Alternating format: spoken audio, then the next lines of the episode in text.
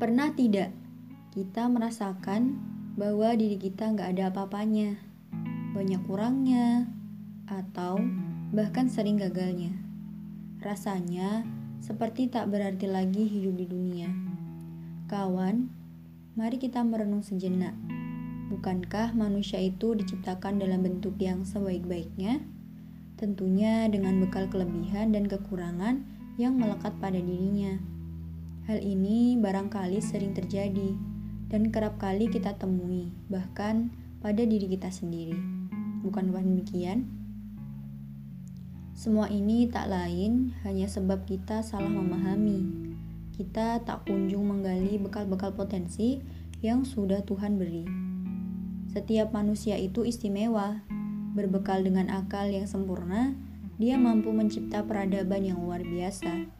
Namun, semua tak lepas dari tuntunan cahaya cinta dari Sang Rob semesta melalui kalamnya.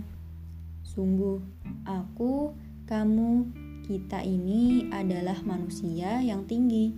Jika kita adalah seorang hamba sejati yang hanya mengabdi pada Rob ilahi, maka coba sudahi mendiskriminasi diri. Jadilah manusia yang tinggi di hadapan Allah dengan jalan memurnikan keimanan dengan amalan-amalan kebaikan.